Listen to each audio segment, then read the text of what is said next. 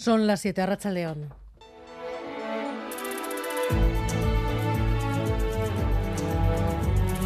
Gambara con Arancha García.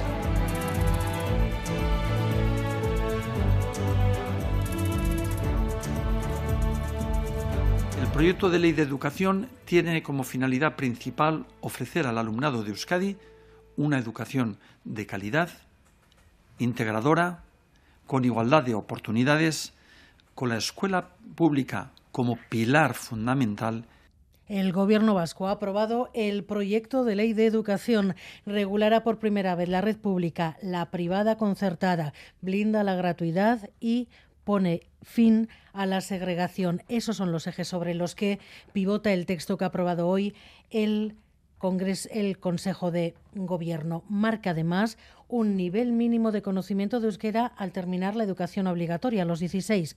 Todos los alumnos deberán acreditar un B2 en euskera y castellano, los ejes de una ley que pasa ya al Parlamento, Natalia Serrano. Todos los centros públicos y privados concertados quedan ahora regulados por ley. Todos reciben financiación pública y todos forman parte del sistema educativo.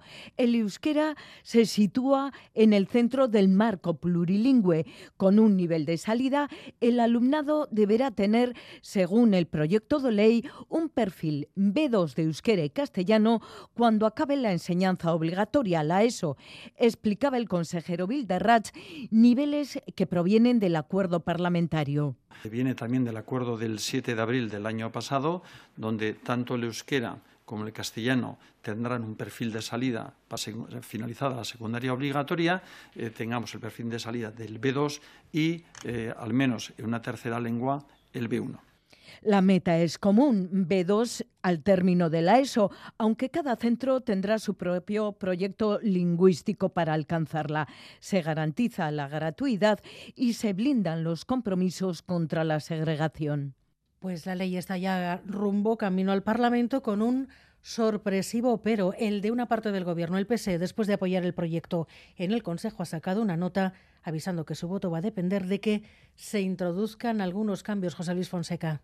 Decían los socialistas vascos que el proyecto de ley de educación contaba con el voto favorable de sus representantes en el Consejo de Gobierno para no obstaculizar su tramitación ni la búsqueda de consensos más amplios. Eso sí, un voto favorable que no ocultaba sus discrepancias en relación con sus socios gelchales, unas discrepancias que plasmaban poco después en un comunicado. En el mismo remarcaban que no comparten que el proyecto de ley aprobado relegue los modelos lingüísticos actuales sin precisar cómo se va a materializar el modelo plurilingüe pactado en el acuerdo educativo y esperan que esas diferencias se subsanen para poder apoyar la aprobación de la ley educativa en el Parlamento. Bueno, pues enseguida vamos con todas las reacciones. De momento, ni la red concertada ni la red de Icastolas se han pronunciado.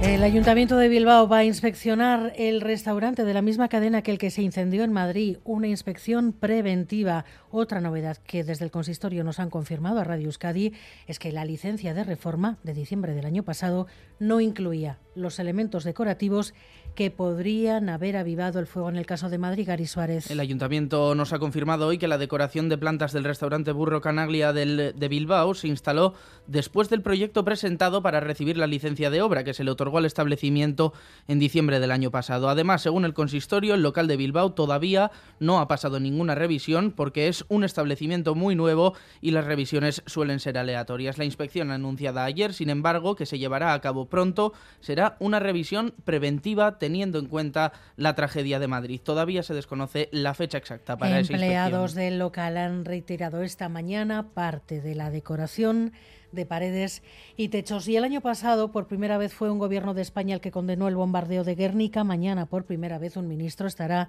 en el homenaje a las víctimas, aunque no habrá petición de perdón. Moncloa insiste en ello. Amaya Zabala, estás en Guernica en la víspera del aniversario. ¿Cómo se ve por ahí ese debate, Racha León? A León, pues sí, nos hemos encontrado opiniones de todo tipo, pero en general, eso sí, agradecen el gesto del gobierno español de enviar a un ministro al acto de conmemoración del bombardeo, aunque eso sí, todos subrayan que llega tarde. Les escuchamos.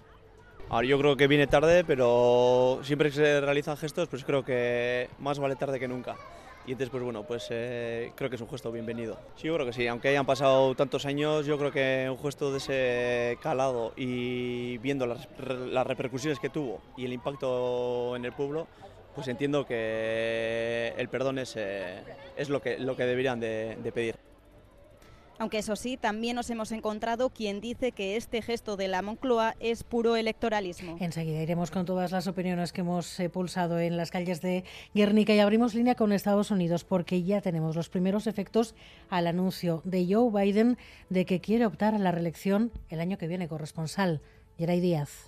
Según Biden, la democracia estadounidense sigue estando amenazada y aunque no mencione a Trump, su objetivo es que no vuelva a la Casa Blanca. Pide poder terminar el trabajo empezado, acompañado esta vez también por Kamala Harris. A día de hoy, lo más probable es que haya una revancha, de nuevo un cara a cara entre Biden y Trump. Eso sí, según las encuestas, la mayoría de ciudadanos no quiere ni a uno ni a otro, preferirían que hubiese otros dos candidatos. Trump enseguida ha respondido diciendo que Biden es un mal presidente, el más corrupto, dice que ha tenido el país. Y los deportes, Edu García, Rachaldeón. ¿Qué tal, Rachaldeón? Con la jornada 31 de Liga a punto de comenzar para dos de los nuestros, en concreto para uno, para Osasuna, que es quien abre fuego ante el Cádiz en el nuevo Mirandilla con el 11 muy renovado de Yago Barrasate. Lo anunciaba ayer y lo ha llevado a efecto para un partido que va a comenzar en 24 minutos y del que nos da cuenta Rafa Aguilera. Rafa, ¿qué tal, Rachaldeón?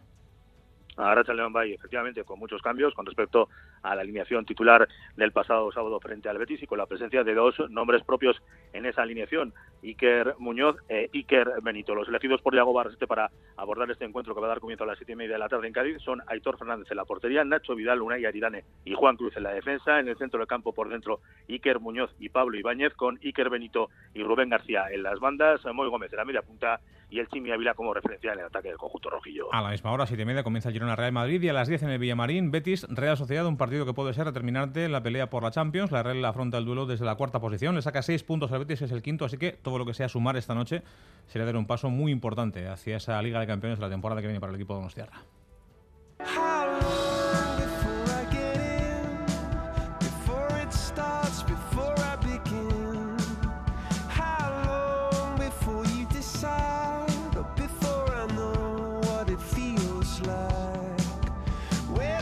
La Comisión Europea quiere obligar a 20 plataformas digitales a que cuiden sus contenidos, sobre todo los que van dirigidos a menores, entre ellos TikTok, Twitter, Instagram y Wikipedia Maya Portugal. Son las plataformas y buscadores que se consideran de gran tamaño por tener más de 45 millones de usuarios al mes en la Unión Europea, entre los que se encuentran redes sociales como Twitter, Facebook, TikTok o Instagram, pero también YouTube, Wikipedia o plataformas de compra o reserva como Amazon, Zalando o Booking y muchos productos de Google, incluido su buscador. Tendrán cuatro meses de plazo para cumplir con las obligaciones de la nueva ley de servicios digitales, que incluyen eliminar rápidamente contenidos ilegales, especificar si una imagen es falsa si implica riesgos para la salud física o mental, prohibir la publicidad personalizada a menores e implantar medidas contra la desinformación. Cabe recordar que el comisario de Industria, Thierry Breton, ha tenido encontronazos vía Twitter con Elon Musk, preocupado por evitar la desinformación en campañas electorales, y también que la comisión ha prohibido el uso de TikTok en los dispositivos de la institución.